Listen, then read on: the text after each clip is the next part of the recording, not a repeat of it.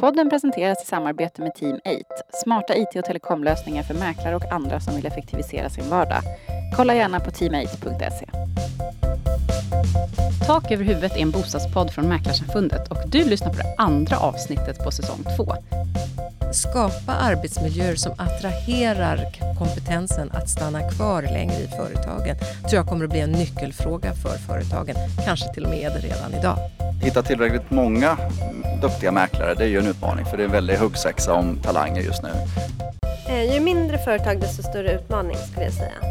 De här lånelöftena går ju ganska snabbt att få. Man trycker in lite uppgifter i ett eh, formulär på nätet och så får man ett besked från banken. Men sen när banken då börjar titta närmare på det här så kan det ju vara så att man inte alls hade den där trygga anställningen som man själv trodde att man hade eller att banken gör en annan bedömning.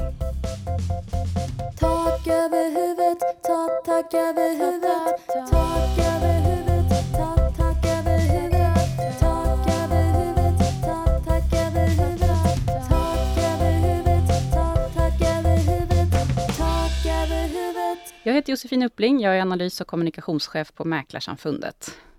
10 000 nedladdningar, det är faktiskt vad vi hade på första säsongen av Tak över huvudet som släpptes i våras.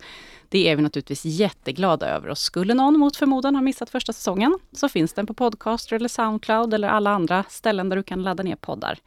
Det vore jättekul om ni ville lyssna på första säsongen. Vi på Mäklarsamfundet kommer alltså att fortsätta lyfta bostadsfrågor här under hösten. Eh, dels ur mäklaren och konsumentens perspektiv, men också ur beslutsfattares och branschaktörers perspektiv.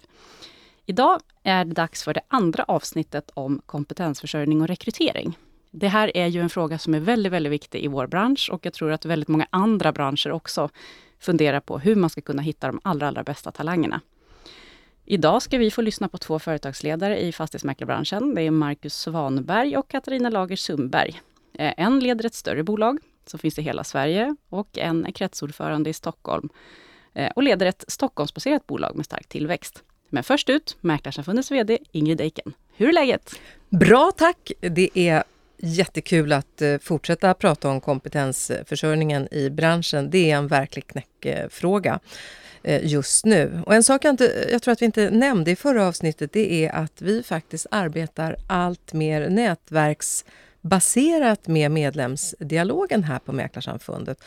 Eh, ett sådant nätverk leds av vår utbildningsansvariga Eva Prin och eh, samlar de som arbetar som HR-chefer och rekryteringsansvariga på fastighetsmäklarföretagen. Så vill man vara med där så är det bara att kontakta Eva om vi ännu inte har kontaktat er. Jag skulle också säga att eh, vi i ledningen och styrelsen för Mäklarsamfundet också är mer inne mot ett nätverksorienterat sätt att få in synpunkter och skapa medlemsdialogen. Och vi har ju sedan eh, ett år ungefär olika referensgrupper som är väldigt, väldigt viktiga för oss i vårt arbete. Ja, men det är ett bra medskick. Man kan också hitta information om vilka som sitter i de här referensgrupperna på vår hemsida. Just det. Och där lägger vi också ut mötesprotokoll, så att det finns all information om man är intresserad av hur vi, hur vi jobbar här. Dels med rekrytering, men också med eh, hur vi ser på medlemskommunikation och även eh, hur vi ser på vårt externa påverkansarbete.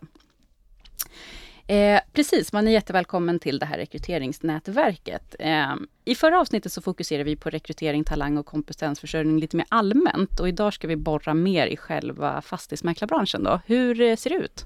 Alltså, fastighetsmäklarbranschen är lite annorlunda än andra branscher. De eh, flesta arbetar provisionsbaserat.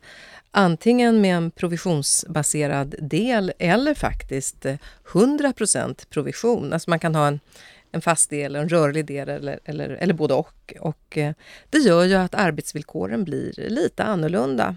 Den allmänna samhällsutvecklingen med digitalisering i fokus och så ställer ju också andra krav på fastighetsmäklarna idag än igår. Precis som, som den ställer krav på alla branscher faktiskt. Så att vi är ju inte unika i det avseendet. Nej, vi får ju ofta frågan här. Det är ju, vi är ju då en medlemsorganisation och ibland undrar ju folk som ringer hit om vi liksom är, är ni en fackförening, är ni en arbetsgivarorganisation? Men vi är ju inget av det. Eh, så att, vad tycker vi i de här frågorna egentligen?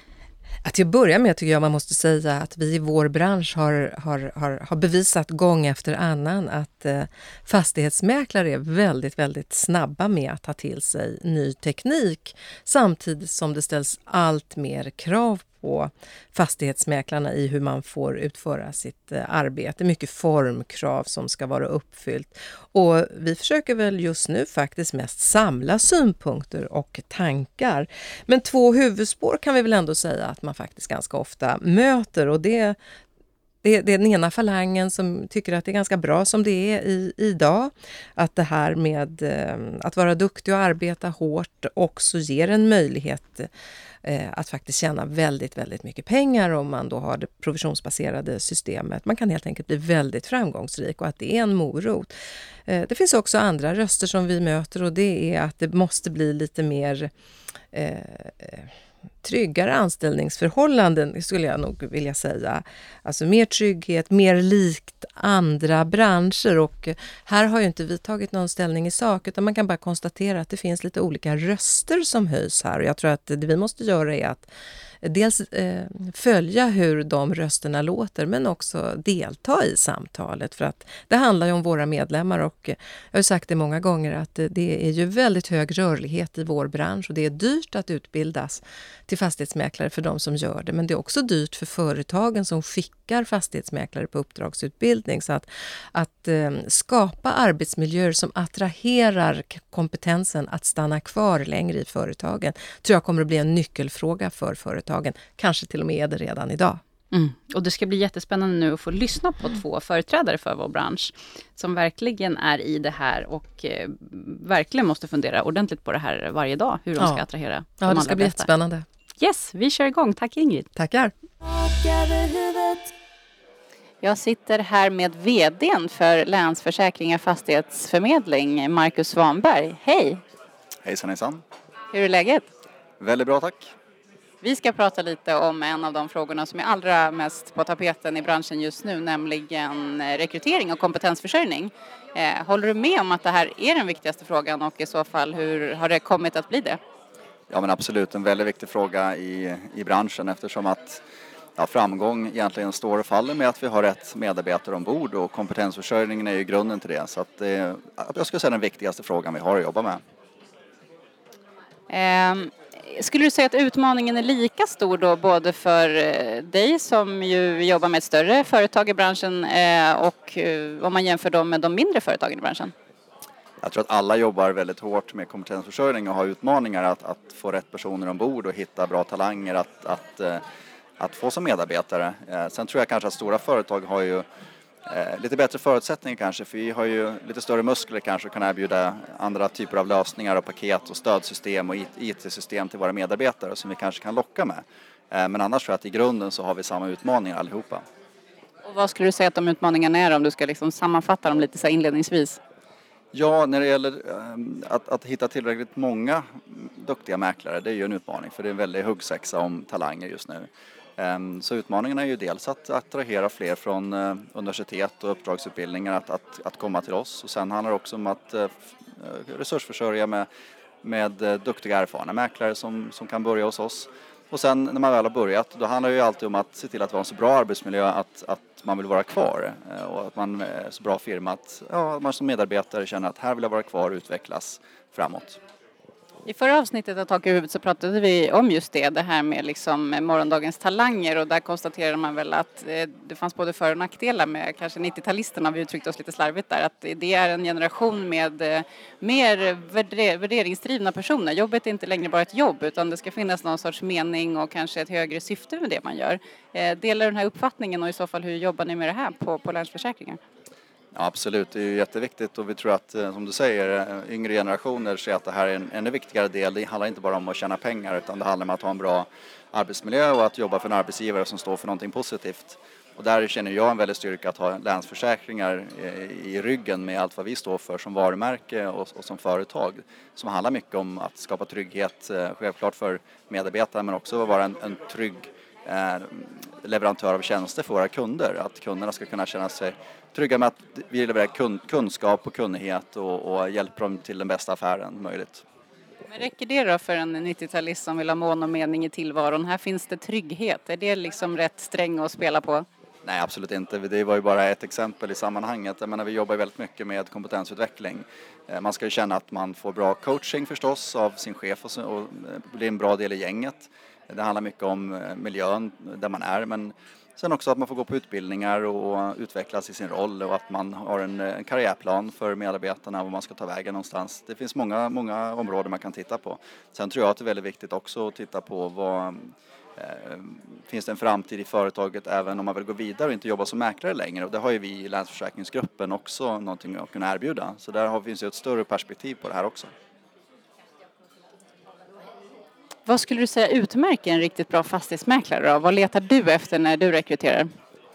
Ja, ehm, det som utmärker en duktig fastighetsmäklare är nog att man är väldigt lyhörd och lyssnar och tar till sig behoven som både säljare och köpare har. Att man, att man verkligen eh, ser till vad, vad de är ute efter och ser till att, att hjälpa dem båda på ett bra sätt. Så den här lyhördheten är väldigt viktig. Sen ehm, bör man förstås vara en social, eh, duktig person också som kan hantera den här, det här yrket. Det kräver ju, kräver ju talang, eh, duktig på att sälja och allt sånt här också. Men utan att lyssna, eh, två öron och en mun, så tror jag inte man lyckas så väl i, i yrket. Eh, hur kommer det sig, det här, den här frågan tycker jag är lite, den får du gärna hjälpa mig att bena ut. Det, vi vet ju att det har ju aldrig funnits så många registrerade fastighetsmäklare som idag. Det är någon sorts supertoppnotering hos FMI. Eh, och trots det här så får vi jättestarka signaler från branschen att det blir bara svårare och svårare eller liksom eh, rekryteringsutmaningen blir bara eh, tuffare och tuffare. Vad tror du att det beror på? Ja, nej men det, är, ehm, det har varit bra tider. Ehm, det har funnits en bra marknad att ehm, slåss om i branschen och det har gjort att konkurrensen blir stor för det är väldigt många som vill ha en del av kakan. Så att, och det gör att duktiga mäklare blir väldigt attraktiva och vi, är många som vill ha duktiga mäklare ombord. Så det är så enkelt utbud och efterfrågan i det här fallet och det utbildas ju mäklare men sen har vi också det faktum att det är många som hoppar av eh, branschen ganska snabbt utav de nyexade och det är ett problem. Det gör att eh, försörjningen av nya mäklare inte riktigt har fungerat och det gör att konkurrensen blir väldigt stor om de befintliga.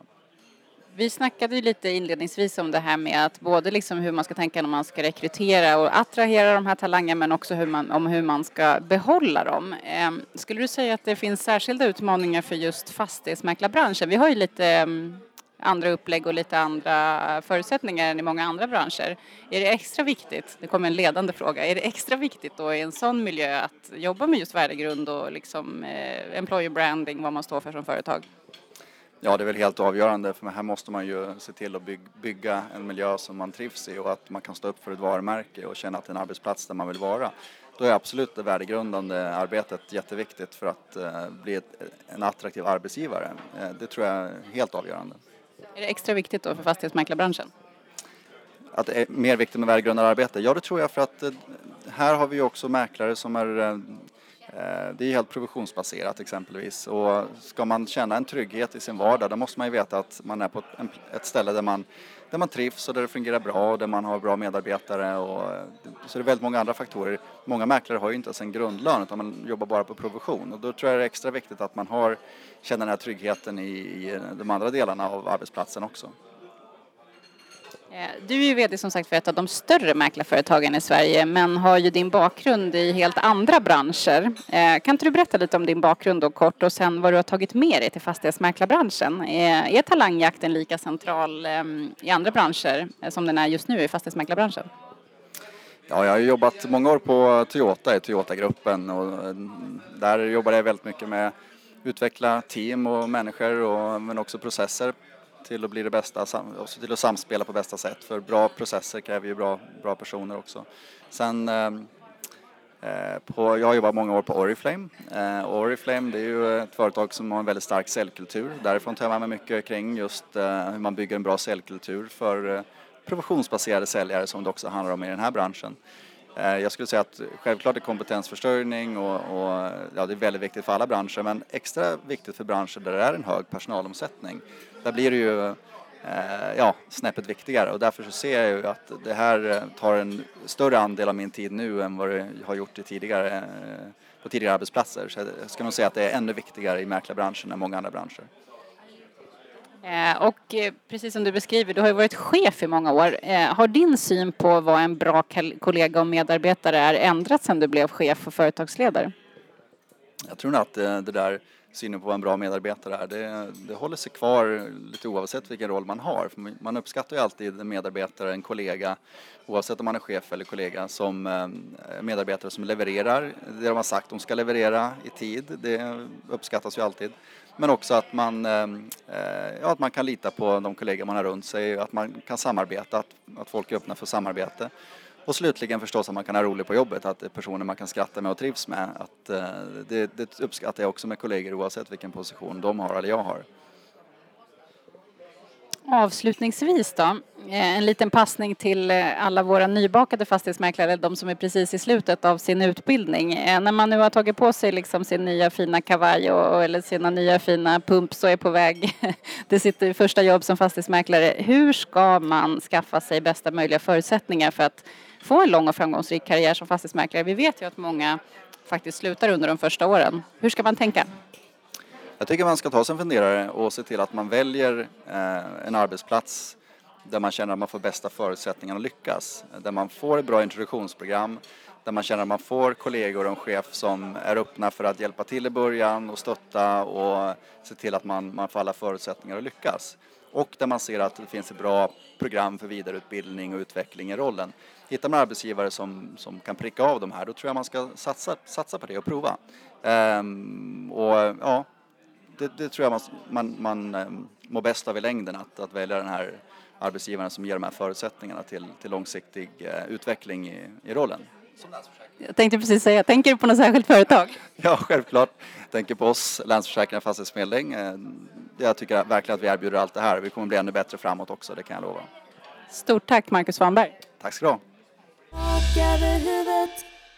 Jag sitter här på Karlsson och Uddares eh, huvudkontor på Norr strand i Stockholm och vid min sida har jag Katarina Lager Sundberg som är VD för Karlsson och Uddare. Hallå! Hej, välkommen! Tack ska du ha, hur mår du? Ja, men jag mår bra. Jag tycker att det är härligt med höst. Hur mår du själv? Jo men tack, jag är väl inte lika fascinerad av just hösten men det är ju bara att kämpa på här nu. Det är liksom ett halvår kvar tills vi ser ljuset nästa gång. Man får arbetsro om inte annat. Eh, man får arbetsro och det känns lite också som att marknaden är lugn eh, och eh, ganska stabil för tillfället. Även om vi just nu får kämpa på lite mer än vi fick tidigare år. Ja, vi gillar när det är lugnt och stabilt ändå faktiskt. Det är bättre. Hör du, vi ska prata om det här med rekrytering och kompetensförsörjning. Det är ju andra avsnittet här i podden Tak över huvudet vi gör det och det är ju inte någon slump. Det här är en av de frågorna som är absolut viktigaste för branschen just nu och alltid egentligen. Hur kommer det sig? Det är ju väldigt, väldigt svårt att hitta bra mäklare och få dem att stanna kvar eh, egentligen. Ehm, vi behöver få rätt personer på utbildningarna. Eh, sen behöver vi få ut dem på företagen och få dem att komma igång. Eh, få dem att trivas och få dem att känna att det är ett yrke där man kan stanna länge. Eh, och det är svårt. Eh, I och med att det är så pass få duktiga mäklare också i förhållande till hur många vi skulle behöva så drar ju och rycker de andra företagen i mäklarna. Så det är ju, man behöver lägga minst lika mycket tid på att behålla de duktiga mäklare som man har som att hitta nya. Vi återkommer mer till vad, vad som är den största utmaningen i det här. Men först, eh, skulle du säga att utmaningen i det här ryckandet och konkurrensen om mäklarna är lika stor för större som mindre företag i branschen? Eh, ju mindre företag desto större utmaning skulle jag säga. Eh, många av de lite större företagen de har ju en hel avdelning som bara sysslar med rekrytering. De har möjlighet att redan tidigt på utbildningarna runt om i landet åka ut och presentera sig själva Eh, och fånga upp eh, studenterna helt enkelt. Det här är ju svårare för de mindre företagen. De har ju inte den, den tiden och kanske de ekonomiska förutsättningarna som behövs för det. Det är också lättare såklart att locka en student till ett företag som studenten känner till. Eh, Och det, de flesta studenter känner ju helt enkelt bara till de större kedjorna. Just det, och det här är du stenkoll på för du är också ordförande i Stockholmskretsen som samlar en del mindre företag här i Stockholm. Ja, men det är ju den gemensamma stora frågan. Hur ska vi hitta rätt folk och hur ska vi behålla dem? Jag tror också att många av kedjorna har ju en introduktionsutbildning och den lockar ju naturligtvis studenterna. Eh, och är också väldigt eh, bra för dem. Eh, så att det ska ju kedjorna ha all cred för, att de tar hand om sina nya på ett väldigt bra, bra sätt. Hur gör ni här på Karlsson? Jag vet inte, du får identifiera företaget själv om du tycker att det är stort eller litet. Nej, det är litet, absolut. Eh, Vi finns i Stockholm eh, och vi har sex kontor, så det är ett litet kontor. Vi har ungefär 25, eh, 25 mäklare. Just det, och hur tänker ni då? Hur, ehm, hur gör du när någon, eh, vi säger att ni har haft en rekryteringsprocess och så eh, har ni bestämt er för att vi ska anställa den här tjejen eller killen, vad, vad händer då? Eh, vi ger dem ju en eh, fast lön ofta, inte alltid. Det beror lite på vem det är som börjar och på vilket kontor. På vissa kontor så blir det en kickstart ändå. Eh, men ofta så får man ju en- fast lön de första månaderna, en sorts garantilön. Som man inte behöver betala tillbaka. Och det gör ju att man kan komma igång i lugn och ro. Eh, sen ger vi dem en säljcoach eh, som hjälper dem att eh, komma igång med att ringa framförallt. Ringa och försöka fixa lite intag. Ehm, och sen så får de ju mycket, mycket hjälp av assistenterna med det praktiska och en del hjälp av mig som VD just med hur man ska komma igång. Men det är ju inte helt lätt. Nej, jag förstår det. Och du var inne på utbildningen här, för där har vi en utmaning. Dels så, det är ju en akademisk utbildning nu, fastighetsmäklare, och det tycker ju vi i branschen är bra. Eh, men det gör ju såklart att det finns eh, krav då från högskolorna och universiteten på en viss akademisk höjd och då tycker kanske branschen att ah, det kanske borde vara lite mer praktiskt. Hur eh, ser du på det här? Det är ju ett säljjobb. Det är ju en tjänst som vi säljer. Och många av de som har läst utbildningen de har ju kanske tänkt sig mer ett akademikerjobb. Och då är det inte alltid rätt person som hamnar på rätt plats. Vilket är dåligt för branschen men framför allt tråkigt för de som då har lagt två år av sitt liv på att läsa till fastighetsmäklare. Och så visar det sig att det var någonting helt annat än det som de trodde att det skulle vara. Ja, det förstår jag. Det blir, och eh, då kommer vi raskt till frågan vad som utmärker en riktigt bra fastighetsmäklare. Du säger att det är ett säljjobb, man måste vara bra på sälj då misstänker jag. Eh, Det måste man vara. Det betyder inte att man behöver vara nidbilden av en säljare utan 2016 skulle jag säga att det är så mycket annat. Det är ju engagemanget, eh, tiden som du lägger ner. Jag tror man måste vara ödmjuk också eh, och ta väldigt väl hand om sina kunder, såväl köpare och säljare som spekulanter. Eh, och lägga mycket tid, lägga väldigt mycket tid. Mm. Ja, det, är inte, det går inte att tro att man ringer ett samtal, sen har man en affär och sen är det klappat och klart. Nej men så är det ju verkligen inte. Utan många av de affärerna som vi gör har vi ju fått in på rekommendation. Och det bygger ju på att du har gjort en, ett riktigt bra arbete i en annan affär för att få en rekommendation. Du var inne på det lite inledningsvis här, eh, men jag tänker vi kan borra lite mer i det. Eh, du sa att man har möjlighet här hos er att få en eh, fast lön när man börjar och man får en säljcoach och mycket stöd för det är inte alldeles enkelt att komma igång. Eh, skulle du säga att det är vägen framåt? Vad har branschen för ansvar här själva för att ehm, få ordning på personalomsättningen och få och se till att det blir, ehm, ehm, ja, ta hand om sina medarbetare helt enkelt? Alltså, de, dels måste vi ta bättre hand om de som är helt nya. Eh, ge dem en bättre introduktion. Eh, kanske ge dem lite lön om man har möjlighet till det i början så att det inte blir den här oerhörda stressen redan från start. Eh, Dels behöver vi ta hand om de som redan är i branschen och som har jobbat ett tag. Eh, och där ser vi att det är många som arbetar ett par år och som det går bra för men som ändå väljer att göra någonting annat sen när de får barn.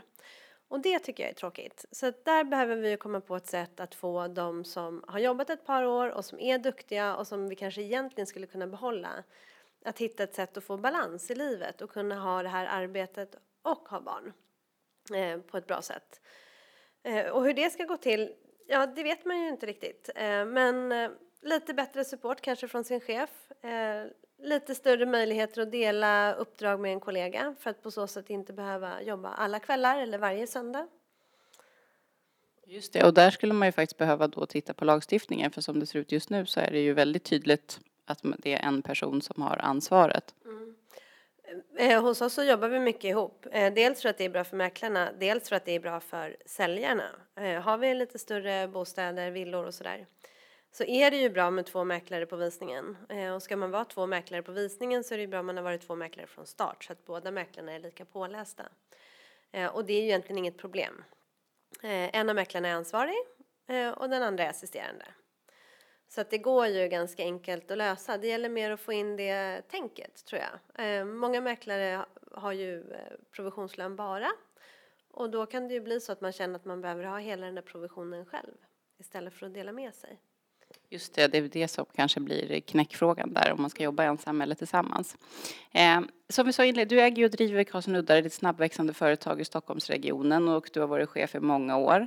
Eh, har din syn på hur en bra kollega eller en bra medarbetare ändrats sedan du blev chef och företagsledare? Jag ser ju helt andra saker nu än jag såg när jag var anställd såklart. Så att ja, den har ju förändrats. Eh, Sånt som jag kanske uppskattar mer nu och som jag inte riktigt såg när jag var anställd, det var just det här förmågan att ta ansvar för eh, kostnader eh, och för att, eh, ja, att se på företaget som en helhet och inte bara titta på sig själv och sin egen arbetsinsats och sin egen lön utan att man gör saker som är bra för oss allihopa. Eh, och att man även då unnar sina kollegor på kontoret att eh, ha framgång. Så att det tycker jag är, är viktigt. Det uppskattar jag ju väldigt mycket mer nu. Just det, lite teamkänsla. Låter som att det liksom är eh, ledordet här på Karlsnuddar, att ni jobbar mer i team och försöker hjälpas åt på ett... Det låter som att det liksom är lite ert koncept. Alltså vi försöker ju. Sen är det ju det är svårt. Det är många mäklarna har jobbat länge och då blir det ju lätt att man gör som man alltid har gjort. Men jag tror att ska man lyckas framöver så måste man ju jobba tillsammans. Absolut. Eh, om man nu är nybakad fastighetsmäklare, man har varit på en tuff intervjurunda hos dig eh, och man har fått sitt allra första jobb som fastighetsmäklare. Hur ska man tänka då för att skapa sig, sig själv eh, allra bästa möjligheter för att bli en bra mäklare som kan hålla i längden och som inte lämnar branschen eh, under de första två, tre åren? Mm, tänk positivt eh, hela tiden, även när det är motigt. Eh, och se alla kontakter som en potentiell kund. Eh, och de flesta av de här kontakterna är ju ingen potentiell kund imorgon eller ens om en månad. Men kanske om ett år eller om två år. Eh, och sen så tror jag att man ska, när man är helt nybakad, tänka på var vill jag jobba och välja arbetsplats med omsorg. Så att man väljer en plats där man känner att man kan trivas, där man har en bra chef och där man har eh, fina kollegor. För de kommer man ju att tillbringa jättemycket tid med eh, och de kommer man behöva jättemycket hjälp av. Och sen så tror jag att man måste redan från början förstå att det tar jättemycket tid att komma igång. Så att man inte räknar iskallt med att man säljer för tre miljoner sitt första år. För det är det ytterst få som verkligen gör. Vi pratade lite i den här podden så medverkar också Marcus Svanberg och vi pratade lite om det här med generations eh, utmaningen också, att det kanske, de här 90-talisterna nu som är ute på arbetsmarknaden, att de har en lite annan syn, att det handlar kanske lite mer om det måste finnas liksom ytterligare ett värde förutom att bara tjäna pengar. Är det här något som du har stött på? Ja men det har det ju. Och för oss som inte är 90-talister så gäller det ju verkligen att förstå hur de tänker och vad som är viktigt för dem. Eh, och ta till sig av det som de eh, gör eh, och säger. Och fundera på om det är någonting som vore vettigt även för andra i branschen. Många av oss som jobbar som mäklare jobbar ju väldigt, väldigt, väldigt mycket och har det som en eh, livsstil och låter det gå före i stort sett allt annat. Eh, och det funkar ju inte i längden och så upplever inte jag att 90-talisterna är. De tänker ju mycket på egen tid och så. Så det kanske vi kan lära oss av dem. Intressant. Sen har ju förhoppningsvis de ganska mycket att lära av oss. Vi har ju ändå jobbat ett tag och de är nya. Man kan ha ett utbyte där helt enkelt. Stort tack Katarina Lager Sundberg. Ja men tack själv för att du kom. Tack. I veckans avsnitt av Fråga Juristen ska vi introducera ett nytt namn här till podden Tak över huvudet och det är en av våra biträdande förbundsjurister, Louise Lundqvist. Välkommen hit till podden. Tack så mycket Josefin. Hur känns det? Ja, men det känns väl bra, lite nervöst. Ja. Ja, men det kommer gå alla tiders. Det här är ju ett väldigt tacksamt forum att få ut eh, svar på vanliga frågor. Ja, men precis. Och det är ju det vi jobbar med till vardags också. Eh, Vi är svar när mäklarna ringer in, så det ska förhoppningsvis bli lyckat. Ja, och vi ska prata om en fråga som vi faktiskt får väldigt eh, många samtal kring just nu. Eh, och det gäller köparens bristande finansiering och säljarens då eventuella hävning med anledning av om det blir kontraktsbrott. Lite förenklat, vad händer när köparen inte får lån trots att det finns ett lånelöfte? Ja, det är ju väldigt olyckligt för att eh, det har man ju egentligen förutsatt redan inför köpet att det är inget problem. Köparna betalar ju väl som avtalat.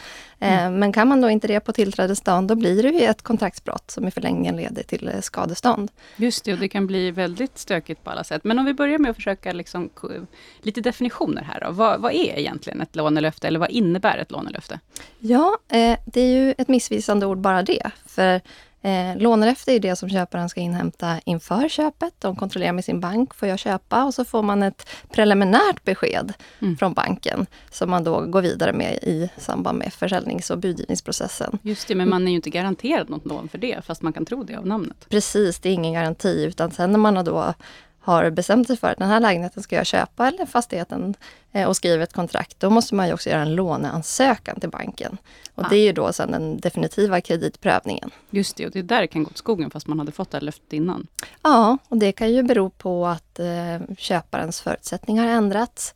Eller att eh, det kanske slutar med att man köpte en ett dyrare, en dyrare bostad än man hade tänkt sig och så vidare.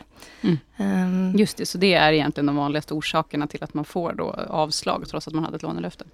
Ja, oftast de här lånelöftena går ju ganska snabbt att få. Man trycker in lite mm, uppgifter i ett eh, formulär på nätet och så får man ett besked från banken. Men sen när banken då börjar titta närmare på det här så kan det ju vara så att man inte alls hade den där trygga anställningen som man själv trodde att man hade eller att banken gör en annan bedömning. Just det. Just det. Okej, men och vilken skyldighet om vi ska titta på mäklarens roll här då? Vi lever ju i en verklighet på Mäklarsamfundet där det faktiskt nästan är mäklarnas, allt är mäklarnas fel kan man tro ibland. Eh, vilken skyldighet har mäklaren för att försöka undvika att det här inträffar? Eller vad kan mäklaren göra? Eller ska mäklaren göra? Ja, som mäklare ska man egentligen alltid vara observant på, på omständigheter som behöver villkoras i köpet. Och det handlar ju om att ställa rätt frågor. Och här vet ju mäklaren att de ska fråga köparna till exempel hur det ser ut med finansieringen, om de har lånelöfte och så vidare. Och det vill man ju helst alltid se skriftligt. Eh, Men det kan ju vara så då om, om man får indikationer på att finansieringen är inte 100% ordnad, vilket den inte är utifrån ett lånelöfte heller, som vi sa, det är ingen garanti att få låna. Då ska man ju som mäklare då råda köparen att, att ja, kräva en låneklausul faktiskt i avtalet. Det Ah. är ju, mm, För det kan man alltså, för då kan man slippa mycket strul om det finns en sån i själva köpavtalet. absolut. Eh, Den låneklausulen är ju oftast inte formulerad så att, att eh, finansieringsfrågan hänger i luften ända fram till tillträdet, utan det är ju att man ger köparen en tid efter det att man har skrivit ett köpekontrakt att också då dubbelkolla sin finansiering egentligen.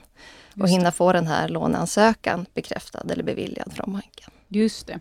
Okej, okay, då har vi det på det klara helt enkelt. Eh, men, och då kan det ju handla om, för det här avtalet då, säg att man inte kan gå vidare med köpet, man får helt enkelt inte det lån som man trodde att man skulle få. Och då kan man ju välja, då kan det bli någon sorts form av återgång här på kontraktet, eller så kan det bli en hävning. Vad är det för skillnad mellan de här två olika varianterna? Just det. En, en återgång bygger ju precis på om man nu har villkorat köpet av någonting, så, kallas, en så kallad eh, svävarklausul. Eh, och, och de här låneklausulerna är ju precis det att får man inte lån som man då hade tänkt sig, då kan man begära köpets återgång med stöd av den här eh, ja, villkoret i, i köpekontraktet. Just det var det du var inne på här innan, att man kan ha det med då i, i avtalet. Ja, det bygger ju naturligtvis också på att säljaren godkänner ett sådant villkor, så det är ju en, en avtalsfråga mellan köpare och säljare. Just det. Eh, och hävning då, det låter ju lite mer dramatiskt. Ja, det blir ju då aktuellt om man inte har det här lånevillkoret eller om finansieringen av någon anledning ändå inte är ordnad på tillträdesdagen. Då hamnar ju köparen i en kontraktsbrottssituation som kan ge säljaren då rätt att häva avtalet och begära skadestånd. Eller begära fullföljd för den delen. Eh, och då får man vända sig till tingsrätt som säljare och kräva att men det här köpet ska ändå stå fast och får då skulden fastställd egentligen som det handlar om. Men Okej. där har ju då köparen en bristande finansiering. Okej, men vad kan och bör man som köpare göra om man får avslag på lönans, eller den här låneansökan, eh, oavsett om köpet är villkorat av lån eller inte? Vad ska man göra om man, är, man tycker man har gjort det man ska, man är bombsäker på att det här kommer gå vägen och så vips så säger banken att nej du. Det kan ju faktiskt vara så att själva objektet som man ska köpa inte heller eh, funkar för banken. De kanske tycker att nej det här var alldeles för dyrt. Exakt, att, man, att banken tycker att det var, mm, ja, inte överensstämmer med marknadsvärdet till exempel. Och då är det ju så att som köpare så har man en lojalitetsplikt i förhållande till avtalet och till sin motpart då, säljaren. Eh, Så att där får man göra precis det som står i ens makt, att, att försöka få finansieringen ordnad. Och det kan ju handla om att till exempel vända sig till flera banker. Det handlar inte bara om att man vänder sig till den banken som man från början hade tänkt att låna i, utan man får ju göra det man kan.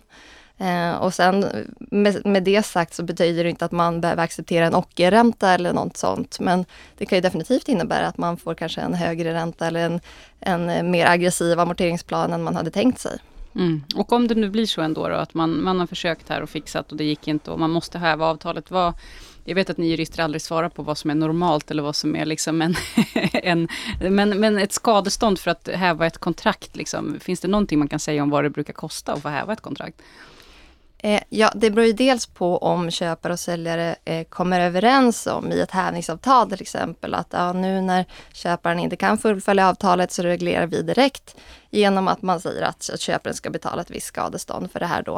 Eh, men normalt sett så ska det ju handla om att säljaren ska försättas i samma ekonomiska situation efter avtalsbrottet som före. Och då handlar det till exempel om att skadeståndet kan utgöra mellanskillnaden efter det att säljaren har gått ut och omförsällt det här bostadsrätten eller fastigheten eller vad det handlar om. Och eh, kostnader för dubbelt boende under den här tiden, amorterings och ränte, inte amorterings, förlåt, räntekostnader eh, och så vidare. Så att det är Merkostnader egentligen som är kopplade till eh, den här tilltänkta affären. precis, och som jag sa, det handlar om att försätta säljaren i samma ekonomiska situation så att om säljaren omförsäljer objektet med en vinst, då eh, blir det ju inte samma skadestånd, utan som sagt, säljaren ska inte tjäna på den här Ah, situationen okej, heller. Så det Mm. finns, ja ja, säljaren kan inte tro att det här liksom automatiskt är så att nu ska jag ha betalt för sveda och värk här, utan det är ju om, man, om det faktiskt är någon sveda och värk eller några kostnader man har haft. Ja, precis. Det kan ju även handla om eh, dubbla provisionskostnader Mm. till exempel då för, för mäklararvode och så vidare. Mm. Eh, och det blir ju egentligen alltid en kostnad när man omförsäljer. Just det. Okej, så om vi ska sammanfatta här då. Som, eh, som köpare ska du naturligtvis eh, försöka ha ditt på det torra med finansieringen. Eh, ett lånelöfte är aldrig ett löfte, utan det är bara en indikation. Eh, som mäklare så ska du naturligtvis försöka hålla koll på eh, att det finns färdig finansiering hos de som är intresserade av ett objekt. Och eh, hamnar man i en situation där det inte går att fullfölja köpet så gäller det att försöka ehm, hjälpa till så gott det går. Finns det något man inte får göra som mäklare i de här situationerna? Ja, man ska ju förhålla sig opartisk mellan köpare och säljare. Så att man får ju till exempel inte hjälpa säljaren att framställa en hävningsförklaring och så vidare. Det är Utan- väl ett viktigt medskick, för det är nog kanske lätt hänt som mäklare att man verkligen vill hjälpa till så mycket man bara kan. Precis, Ehm, så det, det får man absolut inte göra. Däremot så får man ju vara med och, och, och dokumentera överenskommelser. Så skulle det vara så nu att köpare och säljare kommer överens om den här hävningen då som det handlar om, så kan man skriva ett, ett hävningsavtal. Det går bra. Okej, och vill man eh, läsa mer om det här så finns den här texten va, på, vår, eh, på vår sajt, för den har varit med i vårt nyhetsbrev en gång i tiden. Precis. Yes, så in på vår sajt mäklarsamfundet.se, klicka på nyhetsbrev och sen till underrubriken juridik, så ligger den här. Ja. Stort tack Louise! Tack själv. Tack för att du har lyssnat på Tak över huvudet, en bostadspodd från Mäklarsamfundet. Följ oss gärna på sociala medier, Facebook, Twitter och Instagram. Tak över huvudet har en hashtag som är som det låter, tak över huvudet. Eh, saknade du kanske konsumentkollen från första säsongen? Finns ingen anledning att deppa över det. Formatet är numera webb-tv istället. Så kolla in Mäklarsamfundets sajt eller följ helt enkelt Konsumentkollen på Facebook för att vara säker på att inte missa något. Vi kommer att sända nya avsnitt av Konsumentkollen i webb-tv-form eh, varannan vecka. Tak över huvudet klipps och produceras av Andreas Machado från Diggin Larry. Produktionsledare Caroline Berg, grafisk formgivning och avsnittsbild görs av Karina Vikaby. Och jag, jag heter Josefin Uppling.